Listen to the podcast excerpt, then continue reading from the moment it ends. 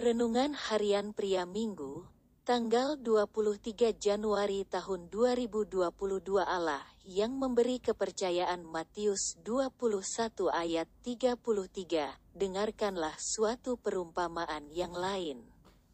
Adalah seorang tuan tanah membuka kebun anggur dan menanam pagar sekelilingnya.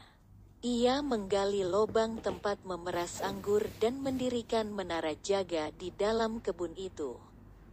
Kemudian ia menyewakan kebun itu kepada penggarap-penggarap lalu berangkat ke negeri lain. Yesus menceritakan lagi sebuah perumpamaan tentang kebun anggur.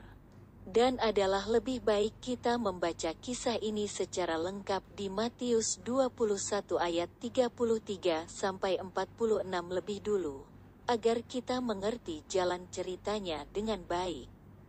Kebun anggur itu adalah bangsa Israel, dan pemiliknya ialah Allah.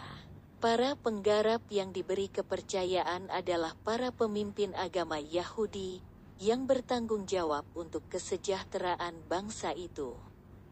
Para utusan yang diutus adalah para nabi yang ditolak dan dibunuh. Dan anak yang datang terakhir yang juga dibunuh adalah Yesus. Dan akhirnya Tuhan yang mempunyai kebun anggur itu datang meminta pertanggungjawaban dari para penggarap yang sudah diberikan kepercayaannya itu. Ada beberapa kebenaran rohani yang bisa kita dapatkan melalui perumpamaan kebun anggur ini. Pertama, kita akan belajar mengenai Allah yang sebagai Tuan atas kebun anggur itu. Allah adalah Allah pemilik segala sesuatu baik yang ada di sorga dan di bumi. Dan sekarang kebun anggurnya adalah bangsa-bangsa termasuk bangsa Indonesia. Allah mau kebun anggurnya ini dikerjakan sehingga kerajaannya nyata di bumi ini. Dan Allah mempercayakannya itu kepada Anda dan saya sebagai penggarap-penggarapnya.